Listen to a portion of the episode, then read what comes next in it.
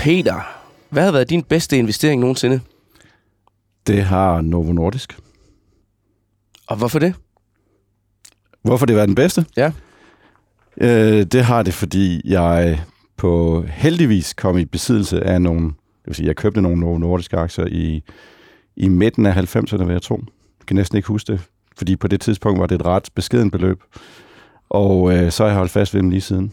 Og de er jo gået op meget markant siden da. Det er vel sådan noget plus 20.000 procent, eller sådan noget i rundt Ja, tror jeg. jeg må sige, jeg har ikke sat mig ned, ned og regnet på det, fordi igen, at det var, det var faktisk nogle medarbejderaktier, jeg fik lov til at købe, da jeg arbejdede for Novo Nordisk, som jeg bare har holdt ved lige siden. Ikke? Og dengang var det et øh, beskeden beløb, som sagt, og i dag er det et mindre, mindre beskeden beløb, kan man, kan man godt sige. Velkommen til dig, Peter Bækgaard. Tak skal du have. Du er privatinvestor og tidligere børsmaler i uh, USA. Ja, Jeg hedder Simon Kirketab, jeg er børsens investorredaktør, og nu, når nu du derude lytter med, så er Peter og jeg formentlig strøget på ferie, og du er måske det samme selv.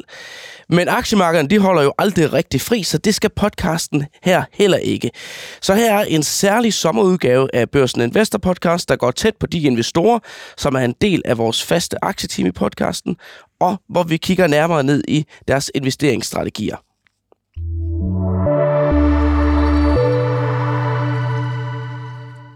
Peter, hvor er du på ferie hen? øh, jeg er på ferie sydpå, i Sydfrankrig. Ja. Og hvad laver du?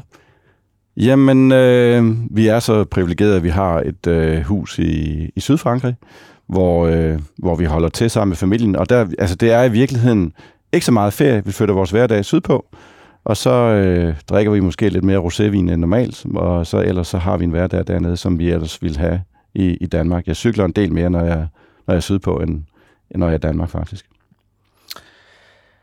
Og hvad med aktierne?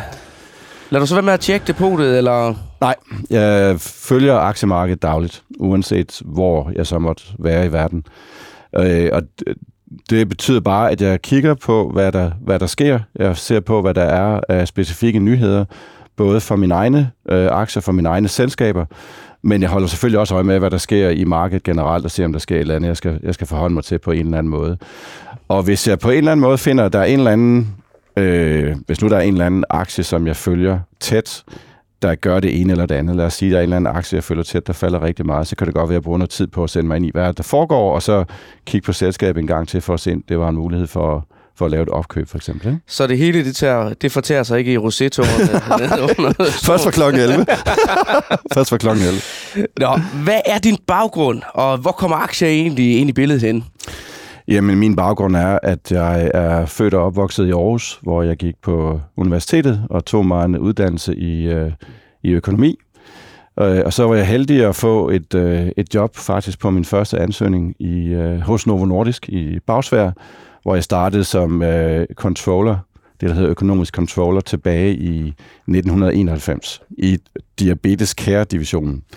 Øh, og det betyder, at jeg sad i, i den største division dengang, stadigvæk, øh, i Novo Nordisk. Og øh, så jeg kigget på regnskabstal og lavede budgetter og lavede strategiske finansielle planer. Det vil sige, at vi lavede nogle planer, hvor vi kiggede 10 år ud i fremtiden og så, hvis det var sådan, markedet voksede sådan her, hvad ville det så betyde for vores produktionskapacitet Ja. ja. kapacitet og så videre.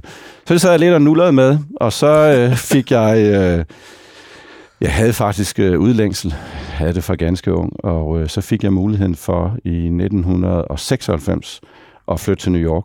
Jeg blev udstationeret for Novo Nordisk, hvor jeg fik ansvar for deres lille investor relations funktion i New York.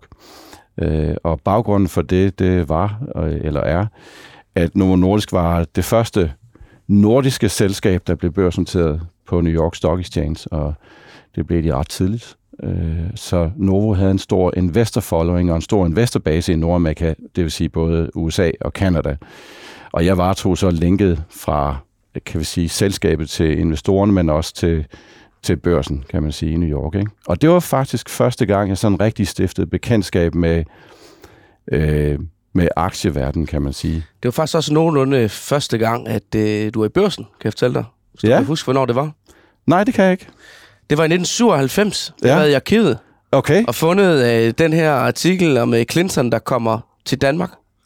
Hvor du øh, på Novo Nordisk øh, vegne udtaler dig om, at, øh, at, øh, at det er en stor ting, at øh, den amerikanske præsident, han, øh, han vælger at besøge Danmark. Ja. Så ja, jeg ved ikke, hvorfor jeg skal udtale mig om det.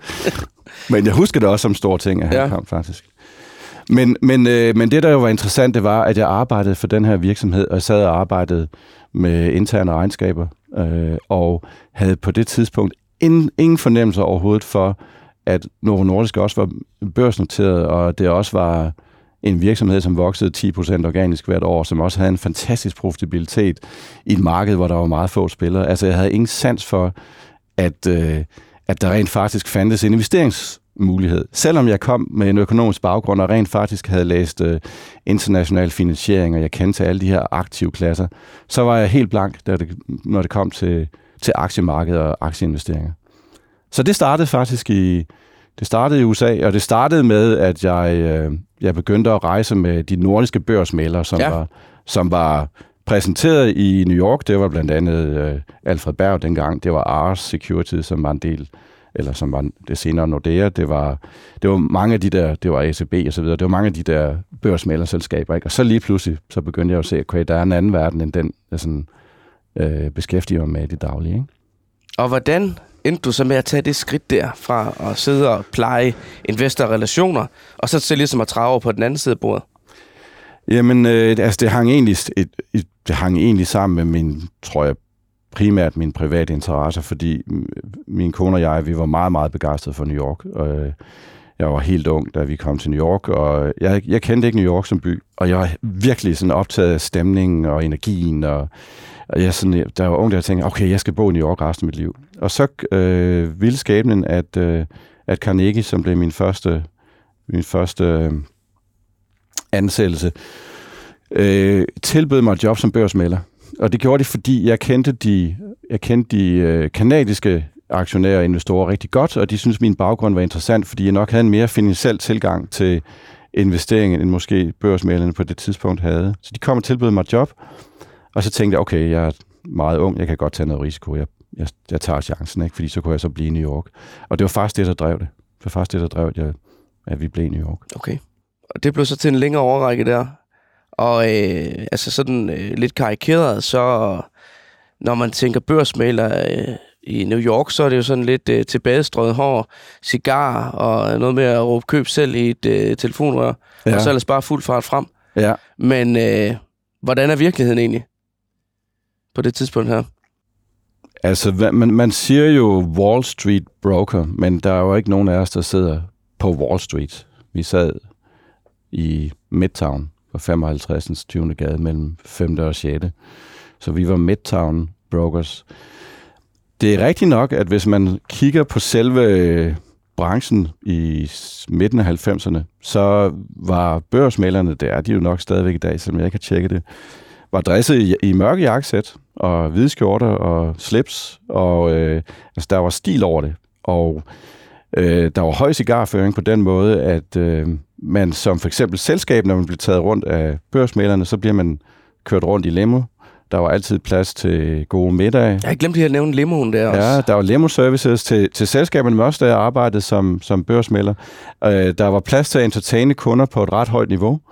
Øh, både øh, at tage dem ud til lækre middage, men også tage dem til sportsarrangementer og dyre koncerter og den slags ting. Øh, og der var mange penge i branchen i midten af 90'erne. Det var på et tidspunkt, hvor at børsmælerne blev kompenseret via handler, og de øh, kurser, man tog, eller de, den kommission, man tog for at handle aktier, var en ret høj kommission i forhold til, hvad der er i dag. Altså, kommissionen er faldet 90 eller 95 procent siden da. Ikke? Så børsmælerne tjente penge på, at kunderne lagde ordre for de services, man, man leverede som Ja. børsmæler. Og det, det var der god forretning i. Også fordi, at det nordiske marked i midten af 90'erne var et ret uopdaget marked. Så der var øh, rigelig plads til, at der var mange internationale investorer, inklusive de amerikanske og de kanadiske, som kunne komme ind i de her nordiske aktier og, lægge, øh, og tage ret store ejerandele faktisk. Så, så det, var, det, var, det var øh, den der lidt høje cigarføring, kan man godt tillade sig at kalde det, i, i, starten, i starten eller i slutningen eller midten af 90'erne. Men de kunder, du så sad med, altså hvad, hvad var det for... Hvad var det typisk for, øh, for nogen så? Øh? Det var det kun institutionelle kunder, kun professionelle Ja. kunder, så de kunder, man sad med, var, var øh, kapitalforvalter, professionelle kapitalforvalter, store pensionsfonde, også hedgefonde. Hedgefondene begyndte sådan set at, at få sit indtog der i, i 90'erne. Der var nogle få hedgefonde på det tidspunkt, slet ikke i det omfang, der er i dag, øh, og så store kapitalforvaltere øh, også. Ikke? Og øh, altså, det var jo det var mange penge, de kunne svinge. Ikke? Altså, det kunne jo godt være, at der var en eller anden kunde, der sagde, at han, han skulle bruge for 250 millioner kroner. Novo Nordisk for eksempel, ikke? eller Volvo, eller et eller andet. Og, øh, og så fik man sådan en ordre ind, hvis man ellers leverede en god service. Men altså, man skal, skal lige pointere, på det tidspunkt, da jeg kom ind, der vidste jeg ingenting om nordiske aktier, udover Novo Nordisk. Så jeg måtte jo sætte mig ind i, i, i selve det brede marked, det brede ja. nordiske marked, sådan løbende og hen ad vejen. Ikke? Og hvordan øh, fungerede det så? Så spottede I måske et eller andet i øh, en svensk aktie, Atlas Copco, eller hvad ved jeg, og så der er noget i den der, den ringer vi ud til vores kunder med, eller, eller var det altid kunderne, der kom til jer? For, nej, for nej altså se, selve produktionen i en børsmæler virksomhed ligger i analysen, analyseafdelingen. Så, så vi havde et, en her af analytikere, som sad og lavede analyse for os hver dag. Ikke? Så vi fik både morgenkommentarer, hvad sker der i det nordiske marked? Volvo har rapporteret i dag, Atlas Copco har rapporteret i dag. Altså, Abloy har købt den her virksomhed. Øh, det her selskab har rapporteret øh, kvartalsregnskab, og så videreformidlede vi sådan set den information til kunderne, og det var så baseret på det, at vi fik kontakten og havde kontakten til kunderne. Ikke? Og så var det krydret med, med det, vi kalder corporate roadshows, hvor øh, malerne tager selskaberne ud øh, og møder øh, investorerne. Ikke? Og, og derfor så, så rejste vi jo en del med de store danske virksomheder, også de store svenske og norske og finske. Og, og jeg lærte jo på det tidspunkt rigtig mange af de, øh, af de nord, nordiske ledere at kende, ikke? både på administrerende direktørniveau og også på økonomidirektørniveau. Ikke? Er der nogle gode anekdoter for den tid der? Om der er nogle gode anekdoter? Ja, så. ja, det er da helt sikkert. det er da helt sikkert. Jeg skal, jeg skal lige prøve at se, om jeg kan komme i tanke om nogle stykker. okay, øh, vi kan vende tilbage til det så, hvis der dukker en op, du mener, der, øh, der kan tåle øh, båndoptagerne her. Øh, men øh, det blev til 17 år i New York. 17 år i New York, ja. ja. ja. Og du endte som øhm, chef for både øh, Carnegies og Danske Markets øh, børsmæleraktiviteter. Ja, jeg endte som, som chef i Carnegie øh, i 2006, fik ansvar for et team på en cirka 20, 20 mennesker, som så er både øh, børsmalere og trader og øh, corporate access, som det hed dengang. Øh, og så skiftede jeg så til øh, så skiftede jeg så til Danske Bank og var med til at starte deres børsmalerselskab op i 2010 efter efter finanskrisen. Så 2016, ja. der, øh, der pakker du sammen og vender hjem. 2014. 2014? 2014, ja. Så øh, ja, 2014. Jamen, det, jeg siger 16, fordi det er der min tidsregning med, der begynder. Det var der, vi mødte hinanden første gang, jo. Ja, så. ja det er rigtigt. Men jeg ja. skulle lige have lidt tid, jo, til at være med op til at møde dig. Hvad i dag? Hvordan, øh, hvordan, hvordan agerer du som investor? Hvordan er dit liv som investor i dag? Jamen, mit liv er sådan set sådan. Jeg havde... Jeg startede lidt med at investere mine egne private midler, da jeg boede i New York. Og øh, interessant nok, så øh, jeg, jeg fik af en eller anden, på en eller anden måde, så fik jeg fat i en bog om, om Warren Buffett, som handlede om, hvordan han var startet sin investeringskarriere. Det øh, var en meget interessant bog, som jeg var meget fascineret af. Og jeg begyndte sådan at tænke på, hvad det var, der stod i den bog om at investere for på lang sigt at finde de rigtige selskaber, og hvad var det, hvad er det, der er vigtigt i investering osv. Og, og på det tidspunkt, der kunne jeg faktisk ikke bruge den information til at investere på samme måde selv. Altså, da jeg investerede i de første mange år, da jeg boede i New York, der var relativt kortsigtet i min måde at investere på, og jeg havde ingen investeringsstrategi. Og så efter alle de år i New York, hvor jeg havde set alle de her selskaber, hvor jeg ligesom havde, var begyndt at finde ud af, hvad er det for nogle analytikere, der er gode, og hvad er det, de kan, som de måske mindre gode analytikere kan. Hvad er det, de gode, hvad er det der kendetegner de gode selskaber versus de selskaber, som må, måske ikke er gode? Hvad er det, det betyder, at en aktie er cyklisk versus ikke cyklisk, eller en forretning er cyklisk ja. eller ikke cyklisk? Så, øh, så øh, snakkede jeg med en, med en god ven, jeg har, som øh, også arbejdede for Carnegie, som også var stoppet, og så begyndte vi at snakke om, hey, skulle vi ikke, øh, skulle vi ikke kigge på, om, om vi skulle sætte en investeringsstrategi sammen, som vi kan anvende eventuelt på sigt til at tiltrække kapital, så vi kan være kapitalforvaltere for, for andre mennesker. Øhm, og det synes jeg jo var en, var en spændende idé, fordi jeg var stoppet for, for Danske Bank og tænkte, okay, det kunne godt være en fremtidig karriere, og ligesom anvende den viden, man har til at tiltrække noget kapital, og så have, en, og så have en, øh, min egen fond, so to speak. Og så gik vi i gang med at kigge på det, øh, og det startede faktisk med, at vi brugte lang tid på at, at kigge på investeringsstrategi. Øh, og, øh, og det gjorde vi. Satte os ned og sagde, hvad er det, der er væsentligt, hvad er det for en kriterie, vi vil anlægge for at investere, hvis vi skulle investere noget kapital for andre mennesker. Øh, og så efter det, så gik vi i gang med at undersøge, er der, er der grundlag for, at vi egentlig kan, kan, kan, kan starte en lille virksomhed op sammen. Øh, og det fandt vi så ud af, at det var der ikke. okay. Det var der ikke. Ja. Og grund til, at der ikke var det, det var, at øh, der var simpelthen for meget administrativ bøvl med det. Ja. Altså, vi skulle bruge alt for, alt for meget tid på compliance og indrapportering til myndigheder og alle mulige andre ting. Så vi besluttede sådan set bare at droppe ideen om at starte en lille biks op, men vi fortsatte med at diskutere investeringsidéer sammen. Og den strategi, som vi ligesom satte os ned og arbejdede på, faktisk fra efteråret 14, det er den, som vi anvender i dag, og den er så blevet endnu mere forfinet i forhold til, til dengang. Så 10 år senere, så er det stadigvæk den, den samme strategi. Vi med visse undtagelser anvender i dag, når vi investerer privat hver især. Ikke? Ja. Så, så det er min hobby i dag. Altså, jeg, jeg, jeg elsker at kigge på markedet. Jeg elsker at kigge på alle aspekter af markedet. Jeg elsker at kigge i områder, hvor jeg ikke selv vil være investeret. Øh, jeg kigger ikke så meget detaljer som de områder, hvor jeg godt vil være investeret, men min egen portefølje som privat er en langsigtet portefølje, hvor jeg prøver at identificere selskaber, som jeg godt vil eje i princippet for evigt. Altså ja. ligesom, ligesom at følge en, en Warren Buffett-strategi, kan du sige. Ikke? Jeg kan huske, at vi mødte hinanden første gang. Det var der i 2016. Jeg var ude og drikke kaffe hos dig i øh, Lund, hvor du boede på det tidspunkt. Ja. Det var faktisk... Øh, jeg tror, jeg endte med at køre ud til dig, fordi øh, jeg har snakket med Måns Vad, som øh, også har været børsmaler i øh, netop Carnegie, ja. som var en del i børsen dengang. Og øh, vi havde lavet sådan et nyt koncept, hvor vi øh, havde to gange 500.000, og så øh, skulle vi finde to investorer, der skulle øh, have de her penge i hånden, ja. løbe ud i marken med dem, og så få dem til at yngle mest muligt. Ja. Og der er han ligesom øh, sendt mig i retning af dig, at du kunne være øh, en mulighed der. Ja. Jeg kan huske, du skulle sådan du skulle trækkes lidt ja. øh, hen til troet. Du var ikke, du var ikke helt vild efter at, at komme med, så det var sådan lidt øh, en, øh, en charmeoffensiv, jeg var ude på der. Nu skulle jeg forsøge på at, at tale dig varm på det. Det er rigtigt. Øh, det, det lykkedes. Øh, du havde god kaffe, kan jeg også huske. Ja. Øh, øh, en anden ting, jeg kan huske fra den snak, vi havde, det var, øh, det, var det her, øh, hvor du øh, talte ind i risiko ja. og hvor vigtigt et element det egentlig var i netop den øh, strategi, I sad med. Det her med, at man, man skulle undgå vejet tab af kapital. Ja. Altså det der med virkelig at blive slået, i, slået hjem i Ludo, så man ikke kan, kan komme videre derfra. Ja. Og det er jo nok også sådan lidt over Warren Buffett, nu nævnte du ham selv. Altså han har jo, han har jo den... Øh, det, det, en del regler, han investerer ud fra, men han har i hvert fald regel nummer et, det er aldrig at tabe penge. Og regel nummer to, det er aldrig at glemme regel nummer et. Ja.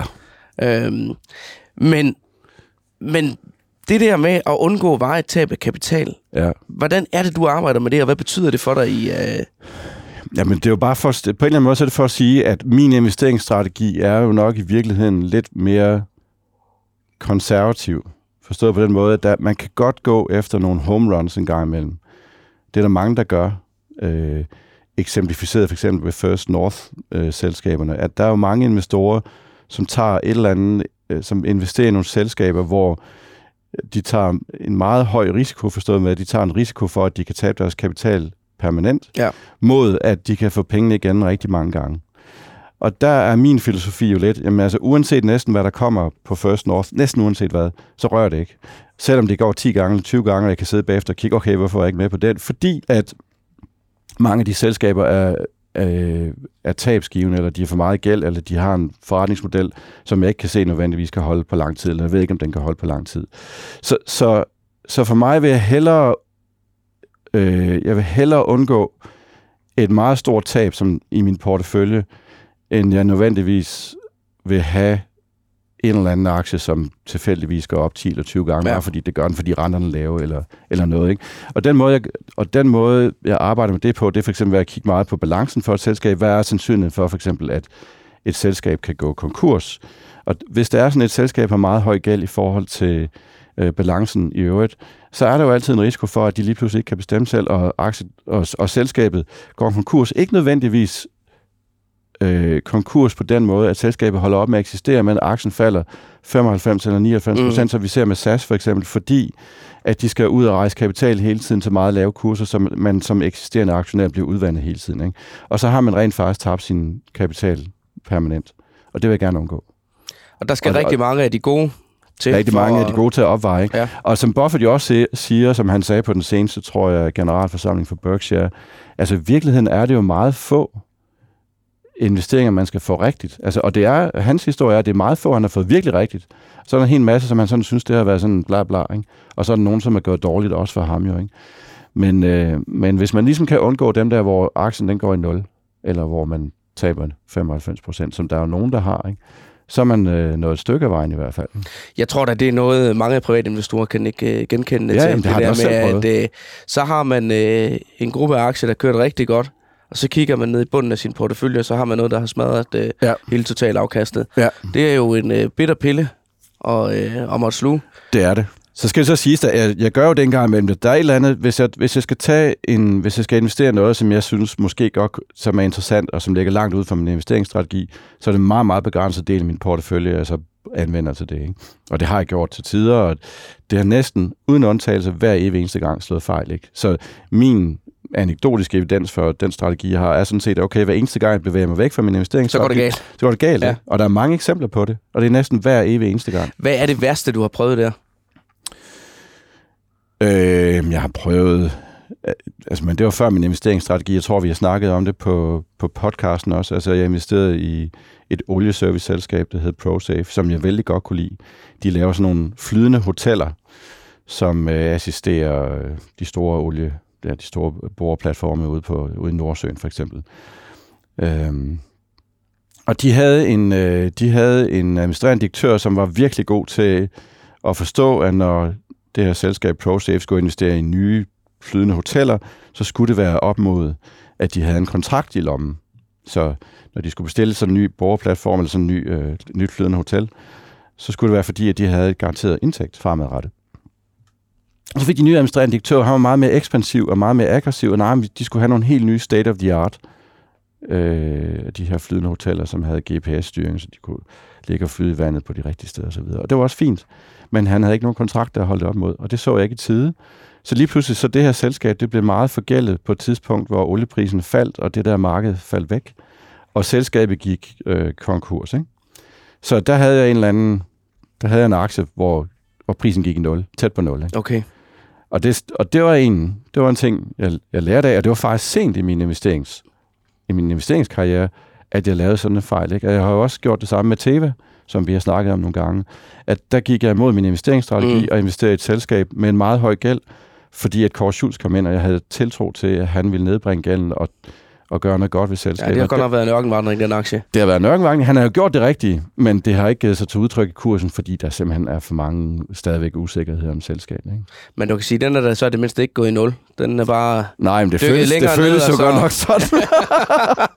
det, det, altså, det har været en dyr investering at have i Teva, ikke? fordi at på, det, på et tidspunkt, det tids, eller den periode, jeg har ejet aktien, jeg tror faktisk, den er nede. Den er nede. Ja, Og der er der jo mange aktier, som er gået rigtig meget op. Så præcis. Det er jo også det tabte afkast, man har er bundet ved det. afkast, Ja. ikke?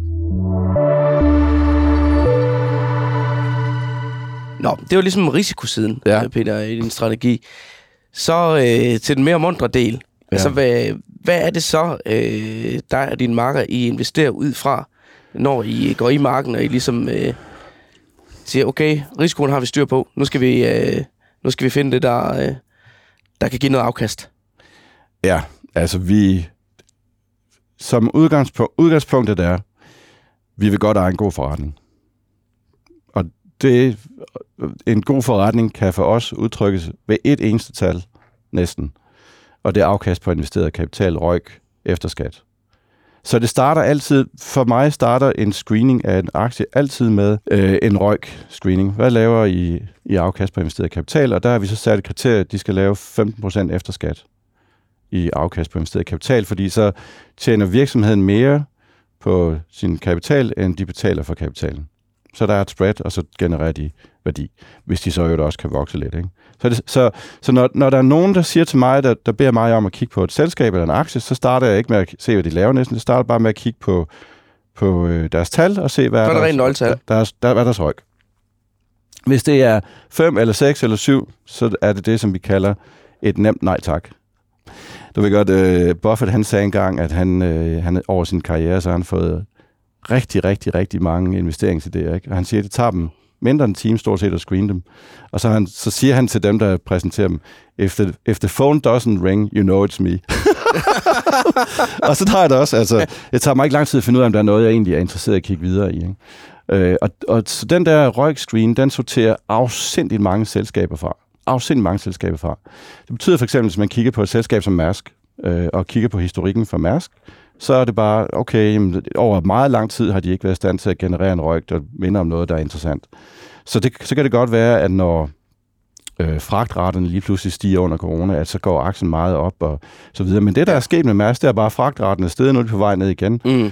Og så noget, nej, det er nej tak, ikke, ikke interesseret. Øh, og så ligger der en hel masse virksomheder, eller ligger nogle virksomheder i laget 10-15, og så ligger der nogle få over 15. Ikke? Fokus på dem over 15. Og så kommer det næste. Okay, så skal vi også lige finde ud af, når de ligger over 15, hvad så, hvad betaler vi så for virksomheden? Altså valuation, værdiansættelse som virksomheden. Har de gæld på balancen osv.? Så, så, så begynder vi at gå i dybden, ikke? Og der, der findes nogle virksomheder, som ligger der. Ikke? Og det er så dem, jeg typisk holder øje med det daglige også, at der er nogle virksomheder, som jeg godt vil eje, hvis der er sådan, prisen er den rigtige, men jeg synes, de er for dyrt prissat lige nu. Ikke? Hvad er den seneste idé, du har siddet og kigget på så? Chemometec. Så Chemometec var et selskab eller en aktie, som jeg aldrig, jeg var aldrig med på den første runde af hype. Og Ja. så kan jeg huske, at aktien faldt noget tilbage, og så, og så fik jeg interesse for den, da den var, jeg kan ikke huske, var det 60 til 60 for, for Ja, det er jo en helt, altså Chemometec, det er jo en helt, helt vild Ja. aktiehistorie, og jeg tror jo nærmest ikke, man kan finde noget med til på det danske børsmarked. Men øh, jeg kan jo huske tilbage i 2014 handlede den til omkring 4 kroner per Ja. aktie. Ja. Og den øh, toppede øh, over kurs 1000. Ja. Øhm, Ja. Så hvis man har været med der, så har det været rigtig, rigtig godt. Øh, Ja. Og den har ligesom taget nogle, hvad jeg kalder det, kvantespring undervejs. Den øh, gik ret hurtigt fra øh, 4-4,5 øh, til kurs nogen af 20, Ja, og så steg den fra 20 til 60, ja, og så videre derfra.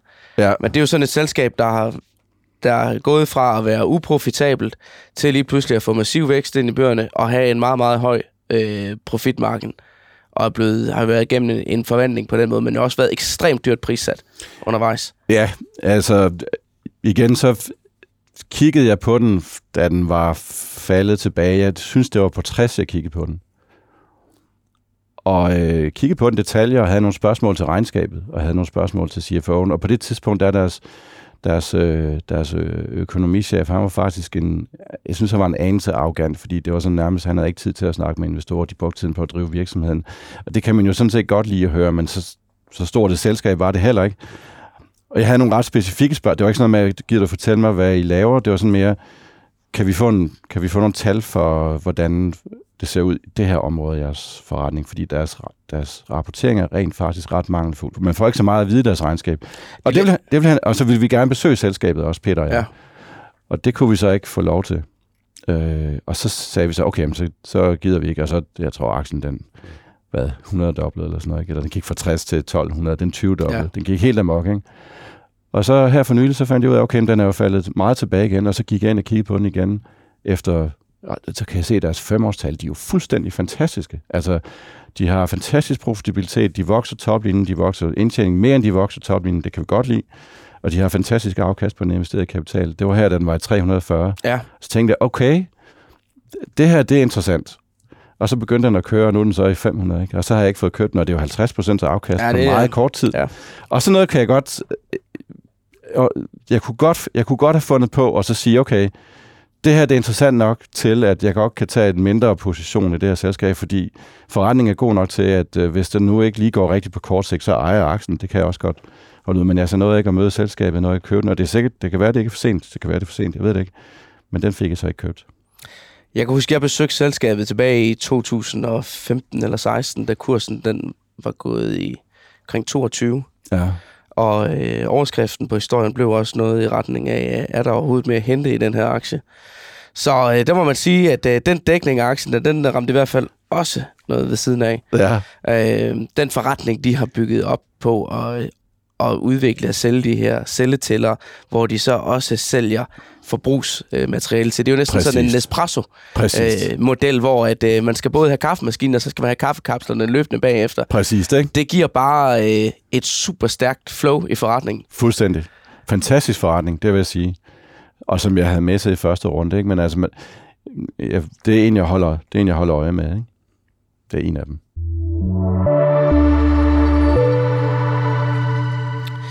Nu nævnte du selv det der med, at du prøvede på at få fat i øh, selskabet der. Og øh, jeg synes jo, du adskiller dig fra mange af de andre investorer, jeg har mødt igennem tiden, ved at være meget sådan direkte i din øh, tilgang til selskaberne. Mm. Du vil gerne mødes med dem. Mm. Øh, du vil også øh, gerne sige din ærlige mening til dem, hvis det er sådan, de ikke øh, performer. Mm. Der dukker øh, sådan øh, med jævne mellemrum en øh, kommentar op fra øh, Peter Bækgaard på øh, LinkedIn. Direkte rettet til øh, nogle af de selskaber, du har investeret i. Øh, eksempelvis øh, Svenske Elektra, Ja, der øh, øh, udvikler og sælger øh, strålekanoner ja, til bekæmpelse af kræft. ja. Øh, der var eksempelvis lige en, jeg faldt over, inden vi gik i studiet her, hvor at, øh, du for nogle måneder siden, på baggrund af deres tal, øh, lige pointerede for dem, om de ikke skulle have sendt en øh, profit warning, når de øh, kunne lave så stort et øh, mis på indtjeningen i forhold til, hvad der var forventet af markedet. ja. Hvorfor, øh, hvorfor egentlig det der tætte kontakt til selskaberne, og også øh, det der med lige at give dem øh, en ørefin, hvis det er sådan, at øh, de ikke leverer varme? Altså det der med at give min ørefin, det er jo lidt ligesom Holger Rune, ikke? Altså det er lidt unødvendigt, kan man sige. men Det er, for, det er ligesom for at få frustrationen ud. Fordi jeg tror egentlig ikke, det gør en, en, en stor forskel. Altså, øh, man kan se, at øh, nogle gange, jeg skrev nogle lidt kritiske kommentarer til Lundbæk, efter de havde efter de gik over til at måle ledelsen nu på justeret EBITDA, ikke? Ja. Så, øh, og der var de sådan, altså efter jeg sådan pottede lidt på dem ud, eller st- stak lidt til dem på LinkedIn nogle gange, altså også snakkede lige med vores investor relations som det, ikke? Altså det er Palle Holm, der sidder derude. Og det er også, det er også fint, ikke? Men altså det, det gør jo ikke, at de ændrer deres øh, og måde at måle øh, profitabilitet på.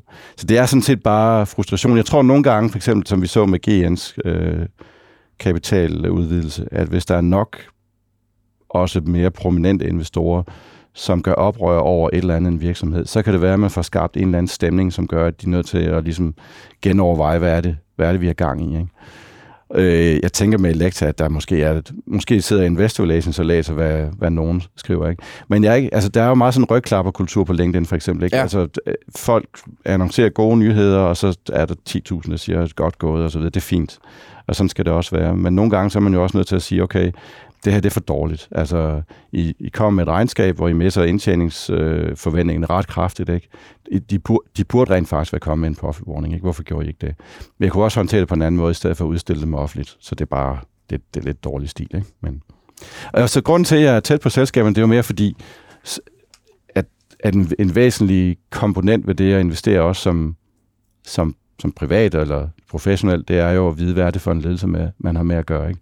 Har man fornemmelse af, at de kender forretningen godt? Har man fornemmelse af, at de forstår allokering af kapital, som er enormt væsentligt for øh, værdiskabelsen i en virksomhed? Øh, har man fornem- fornemmelse af, at de er ordentlige mennesker, eller hvad, hvad er det for nogen, man har med at gøre? Ikke? Og, øh, og, det, og, og det er derfor.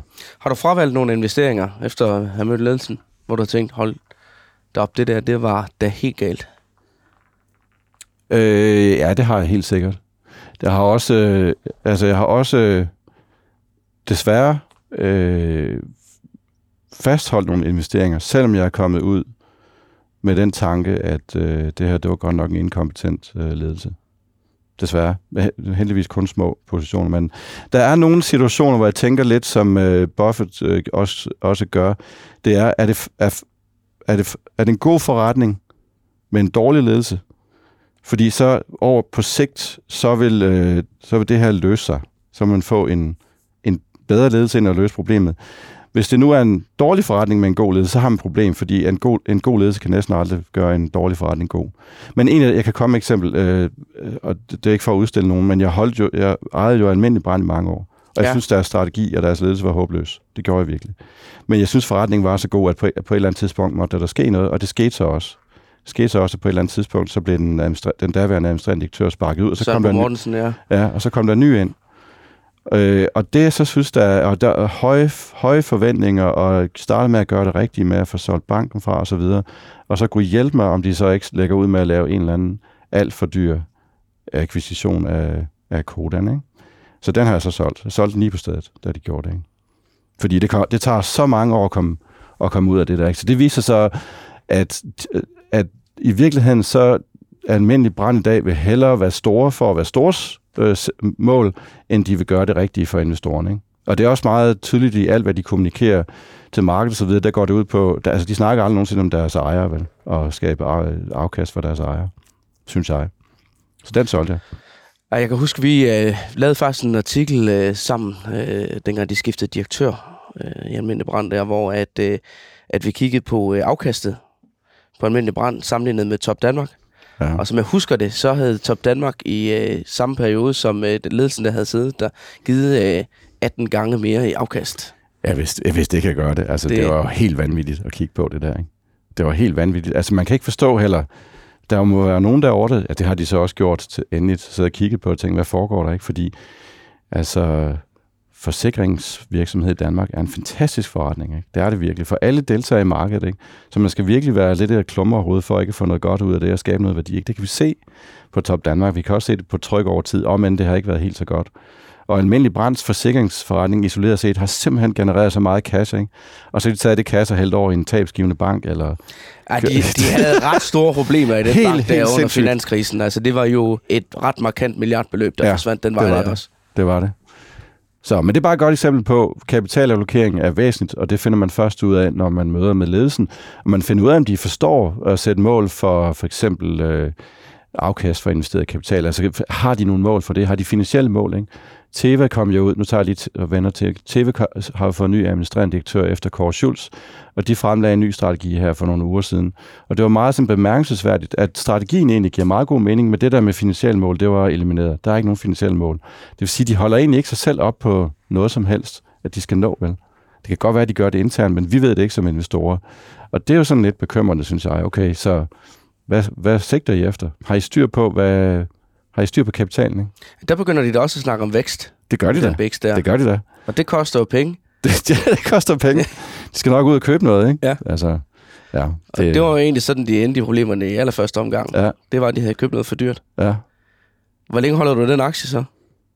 Ikke længe. Jeg skal ud af, jeg skal ud af aktien. Jeg burde bare sælge det. Jeg har ingen interesse i at eje TV mere. Altså, det, jeg synes ikke, det har vist sig at være... Kåre Schultz gjorde det rigtigt ved at få, elimin, eller få nedbragt gælden ret kraftigt. Han var uheldig med alle de her retssager, opioid-retssager, som kom ind i billedet, der har ligesom forstyrret billedet i forhold til, til aktiekursen. Så man har ikke rigtig fået, man har ikke rigtig fået nogen, noget afkast øh, baseret på det, han rent faktisk har gjort for virksomheden, fordi han har jo faktisk øget profitabiliteten og fået gælden nedbragt. Men altså, jeg har ingen tiltro til, at de gør det, kommer til at gøre det rigtigt nu. Men den ligger der endnu i hvert fald. Den ligger den nu. Og nu har vi snakket rigtig meget rundt om uh, din strategi og forskellige aktier. Hvad ligger der egentlig i dit depot i dag? Jeg ejer et udvalg af de her, det er ikke sikkert, at vi når dem alle sammen. Jeg ejer Novo Nordisk, som sagt. Jeg ejer også Novozymes, fordi jeg ejer Novo Nordisk, eller jeg ejer Novo Nordisk, så dem blev spættet ud. Ja. Jeg ejer Top Danmark.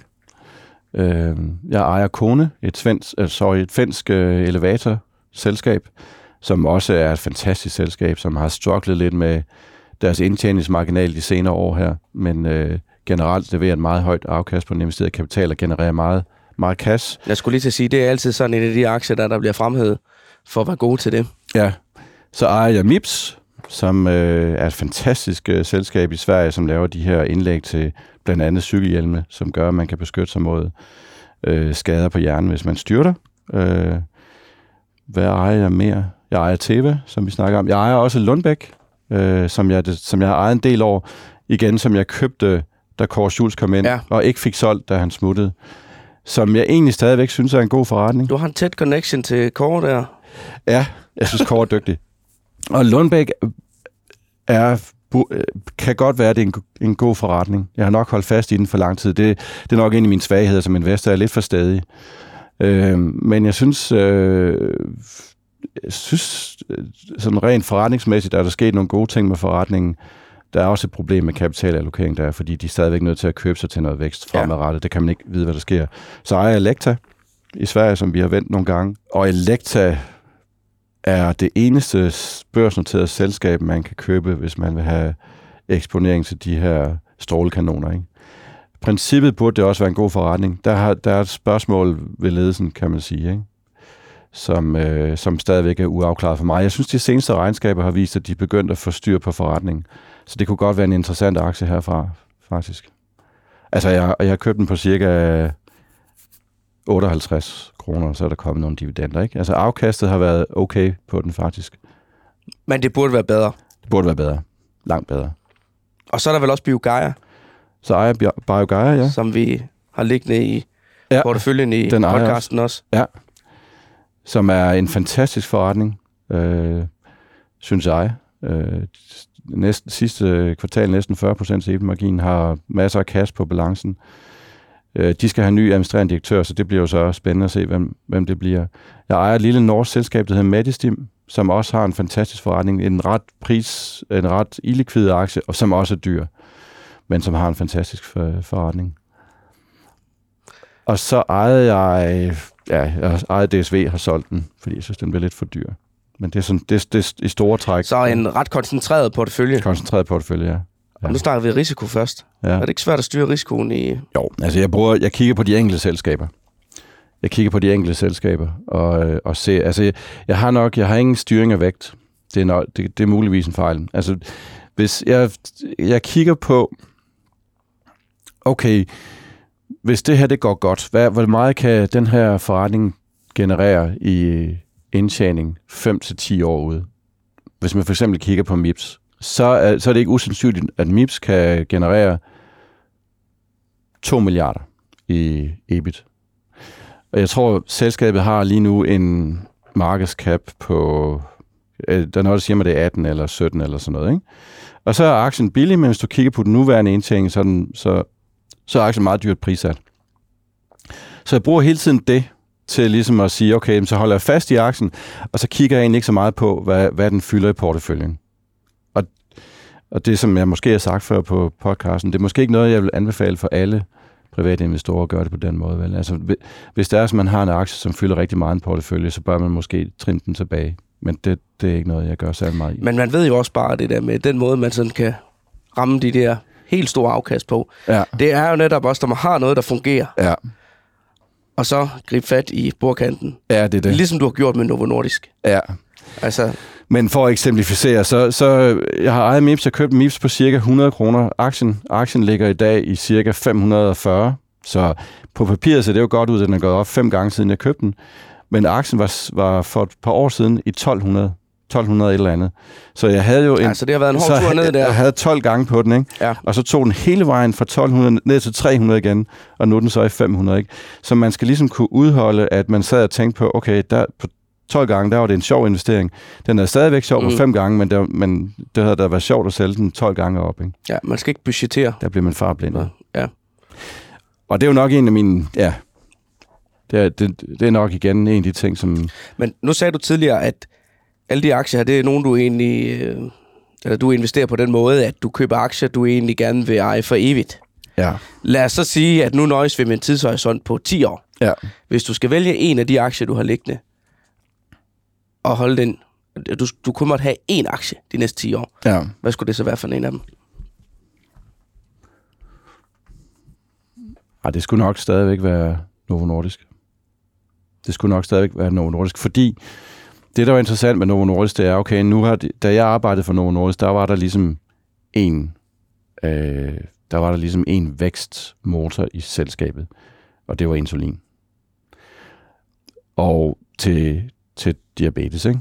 type 1 og type 2 diabetes. Og så var der ligesom, man begyndte sådan på det tidspunkt at kigge på type 2 diabetes og tabletter osv. Og, og nu har de jo så ligesom fået et nyt ben på, et nyt vækstben i der, en af deres forretning, som hedder fedme, og som jo, vi ved, er et kæmpe, kæmpe marked.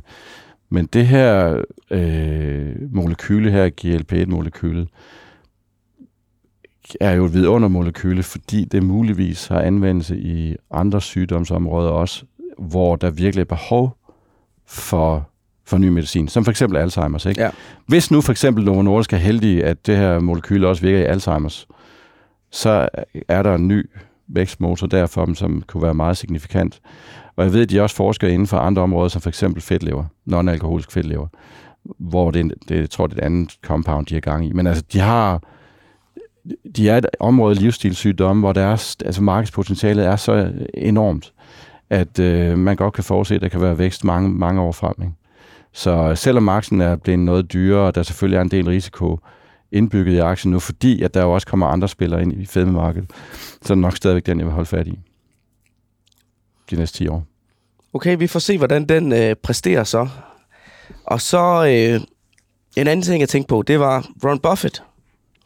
Han har jo anbefalet sådan generelt til privatinvestorer, at øh, det bedste, man kan gøre, det er egentlig bare at købe en indeksfond.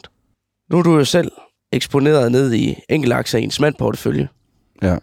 og du er selv en stor tilhænger af Buffett. Ja. Hvordan øh, harmonerer de to ting sammen? Men det harmonerer ikke. Harmonerer ikke.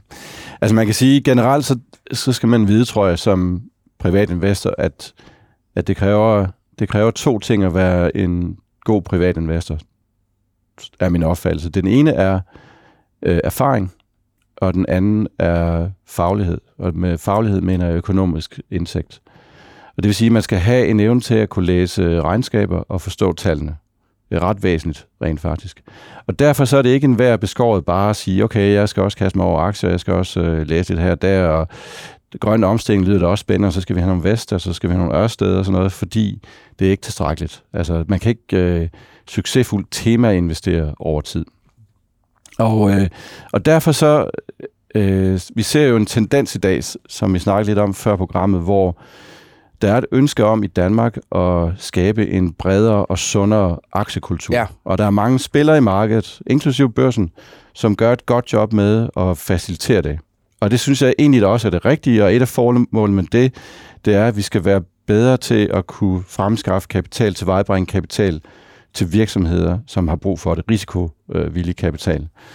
Men man skal også bare være opmærksom på, at,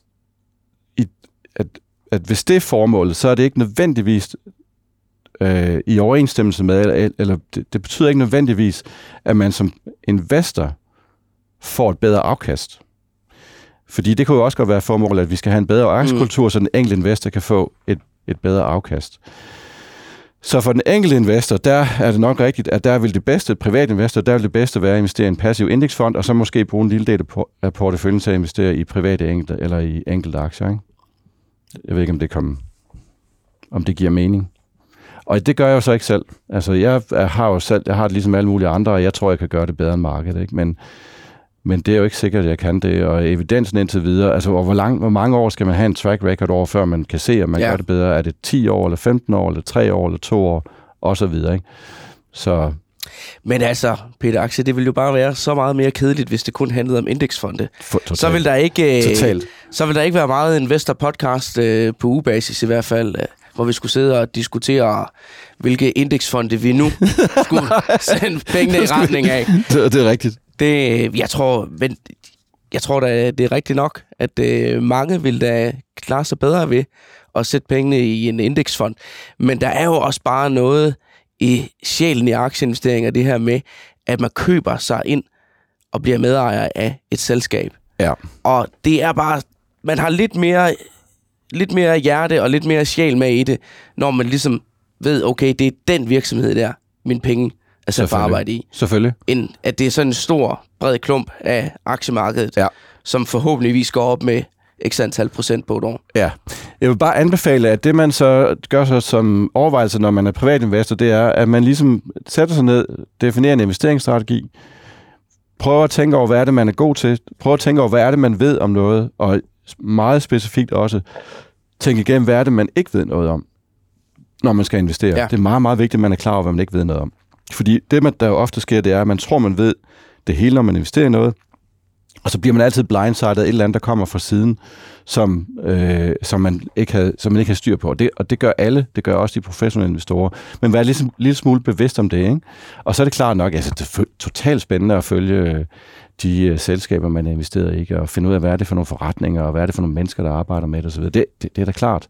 Man skal bare overveje, om uh, man skal bare lige huske, at man måske ikke skal gå ind med alle sine penge i enkelte aktier, og man skal og man, man måske skal reservere en del af porteføljen til at gøre det, vil være min anbefaling. Ikke? Men øh, inden vi får øh, aflevet enkeltaktierne og øh, dermed nærmest investor-podcasten fuldstændig, så må vi hellere, så må vi hellere lukke øh, for den her runde.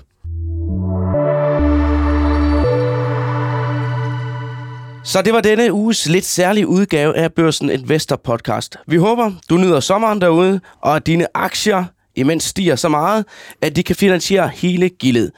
Investor-podcasten er efter en god lang sommer tilbage i sin normale form 9. august. Tak for besøget, Peter Bækgaard. Selv tak. Fornøjelse. Og god sommer til dig. Jeg håber, det, du har godt vejr nede i Frankrig. Det har jeg. Det er godt at høre. En fornøjelse at have dig med, og tak til jer, der lyttede med derude.